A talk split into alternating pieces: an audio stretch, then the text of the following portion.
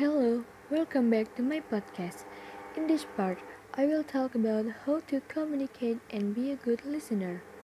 Listening is one of the most important aspects of effective communication in today's high-tech and high-speed world.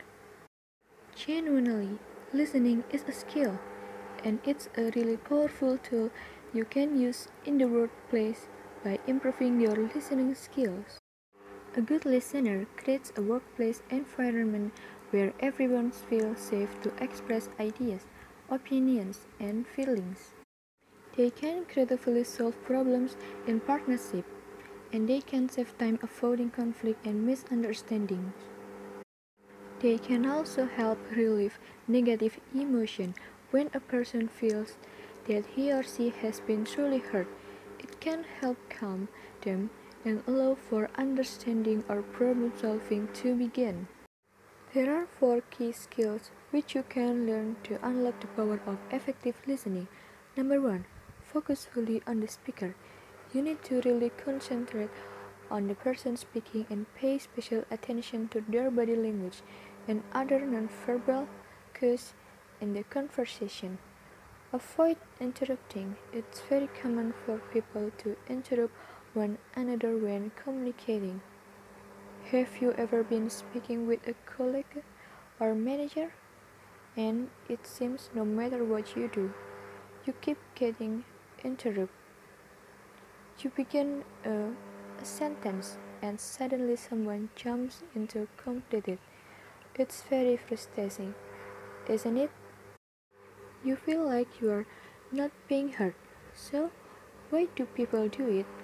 Well, on average, humans speak at a rate of 125 to 150 words per minute, but the human brain can comprehend and listen at a rate of 600 words per minute.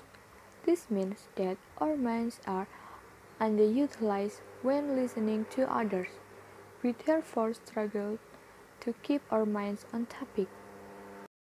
Our boredom can inadvertently create a separate conversation. There are simple tricks you can practice to interrupt your interrupting behavior. For example, try to close your mouth while listening. Focusing on keeping your mouth closed will stop you interrupt someone. Another tip is to make a note during the conversation. Write it down. Continue to listen but make a note of the points you want to make when it's your turn to talk. Finally, trying to change your focus. Think about listening more than talking. Number 3. Avoid seeming judgmental in order to communicate effectively with someone you don't have to like them or agree with their ideas, values, or opinions. However, you do need to set aside your judgment and withhold blame and criticism in order to fully understand a person. Number 4. Show your interest. You need to look interest in what the other person is saying. Try to not occasionally smile at the person talking and make sure your posture is open and inviting. Encourage the speaker to continue with small verbal comments like if your goal is to fully understand and connect with the other person, then listening effectively will often come naturally. If it doesn't, you can remember the four key skills you've just learned.